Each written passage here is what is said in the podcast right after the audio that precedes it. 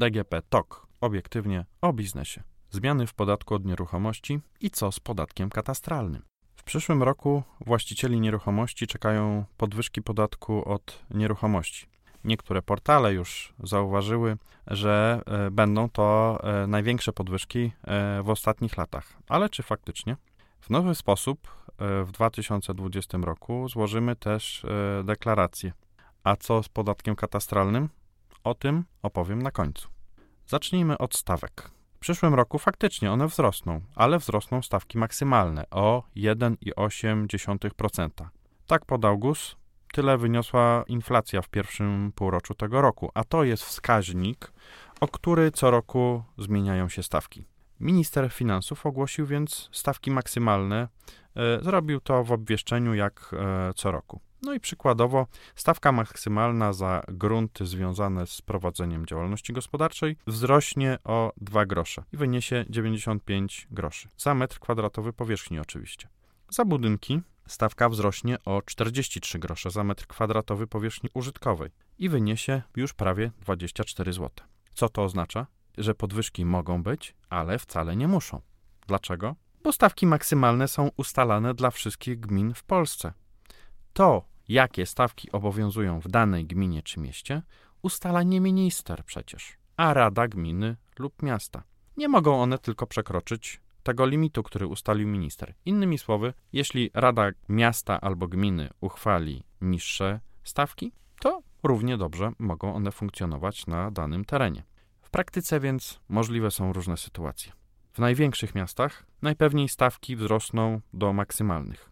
Tak się dzieje od lat i tak wynika z wykazu ministra finansów, który mm, od dwóch lat publikuje taki wykaz E, ze stawkami, które wprowadzają na swoich terenach rady gmin i miast.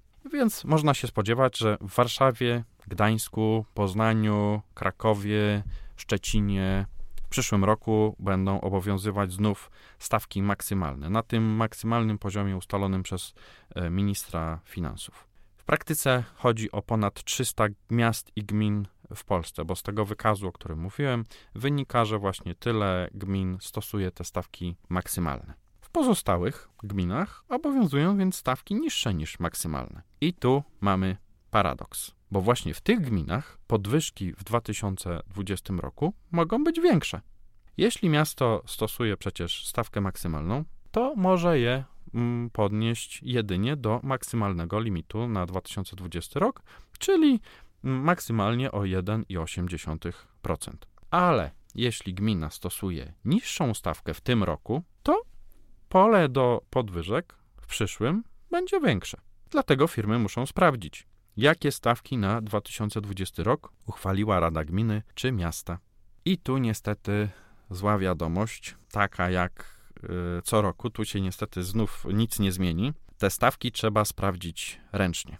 Firmy nie mają bowiem dostępu do tej jednej centralnej bazy y, stawek obowiązującej w poszczególnych gminach i miastach. Taka gmina ułatwiłaby Wam przecież życie. Ale tu ciekawostka. Ministerstwo Finansów publikuje ten wykaz, o którym już wspomniałem, e, mniej więcej od dwóch lat. Problem tym, że robi to za późno. Niestety taka została ustalona procedura. A konkretnie chodzi o to, że rady gmin uchwalają stawki na kolejny rok, zwykle pod koniec roku. Tak się dzieje co roku, tak będzie się działo w tym roku. E, w październiku, w listopadzie, w grudniu Rady Gmin i Miast będą podejmowały uchwały określające stawki na rok 2020 rok. Następnie muszą tą informację podać do Regionalnej Izby Obrachunkowej. Mają na to czas do 10 stycznia. RIO to zbiera i przesyła do ministerstwa do 20 stycznia. Problem polega na tym, że firmy zgodnie z ustawą o podatkach i opłatach lokalnych mają czas na złożenie deklaracji do 31 stycznia a jak wiemy, w deklaracji trzeba uwzględnić obowiązującą stawkę podatku e, od nieruchomości. Skoro więc ministerstwo dostaje dane 20 e, stycznia, no to y, trudno, żeby publikowało y, dane do 31 stycznia. Ale tu znowu, w tym roku, czyli w 2019, mieliśmy taką sytuację, że ministerstwo opublikowało taki zestaw stawek na, na ten rok, co bardzo by pomogło podatnikom opublikowało go 31 stycznia. W związku z tym nikt ani nie liczył na, na to, że ministerstwo zrobi to tak szybko,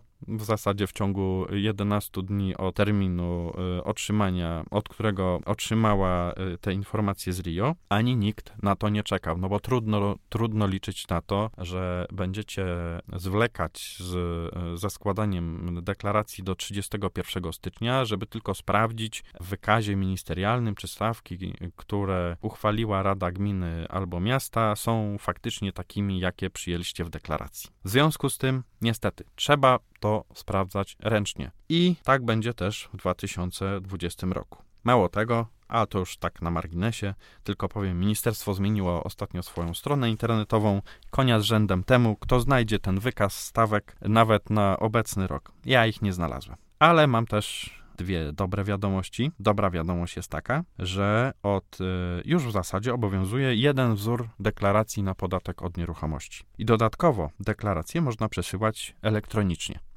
Tak naprawdę te zmiany, które weszły od 1 lipca 2019 roku, będą miały zastosowanie e, właśnie od 1 stycznia 2020 roku, bo tak jak wspomniałem, do 31 stycznia wszyscy mają, wszystkie firmy mają obowiązek składać y, deklaracje na podatek od nieruchomości. Ten wzór, jeden wzór deklaracji oznaczono symbolem DN1, możecie go łatwo znaleźć w internecie. Gorzej jest z tym hmm, chyba przesyłaniem hmm, przez internet. Formalnie y, wystarczy wejść na ePUAP i faktycznie y, można się tam zalogować, wybrać sobie deklarację, gminę, do której chcemy przesłać y, deklarację, wypełnić dokument i przesłać go przez internet. Oczywiście mówię tu o osobach prowadzących działalność gospodarczą, którzy mają nieruchomości, które, którzy muszą składać e, deklaracje. Raczej nie ma co liczyć na to, że większe firmy będą składały e, deklaracje przez ePUAP i ręcznie. Podejrzewam, że tutaj mm, większe firmy zautomatyzują sobie te, e,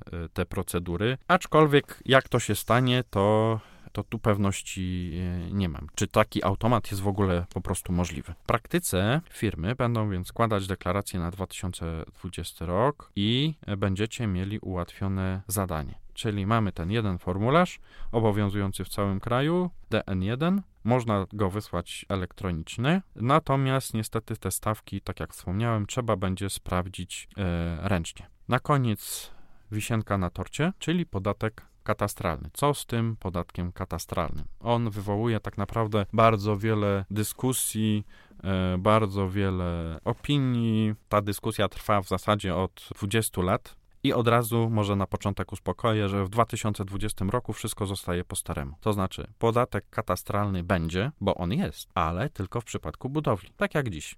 Nie jest to może klasyczny podatek katastralny, bo ten klasyczny e, podatek katastralny polega na tym, że podatek od nieruchomości płacimy od wartości nieruchomości, ale nie zadeklarowanej przez podatnika, tak jak mamy dziś w przypadku budowli, ale od e, wartości ujętej katastrze. No i właśnie w zasadzie są trzy powody, dla których nie należy się też spodziewać tego e, podatku katastralnego w najbliższych latach. Pierwszy problem polega na tym, że gminy nie mają tego katastru. To znaczy, nie mają takich wyliczeń co do wartości nieruchomości. Ten kataster tak naprawdę e, jest e, dość trudno stworzyć, to raz. A dwa, e, wycena wszystkich nieruchomości na terenie danej gminy no, byłaby bardzo kosztowna. E, już wiele lat temu mówiło się o kwotach rzędu wiele miliardów złotych. Ja w 2012 roku już pisałem taki e, artykuł, w którym informowałem,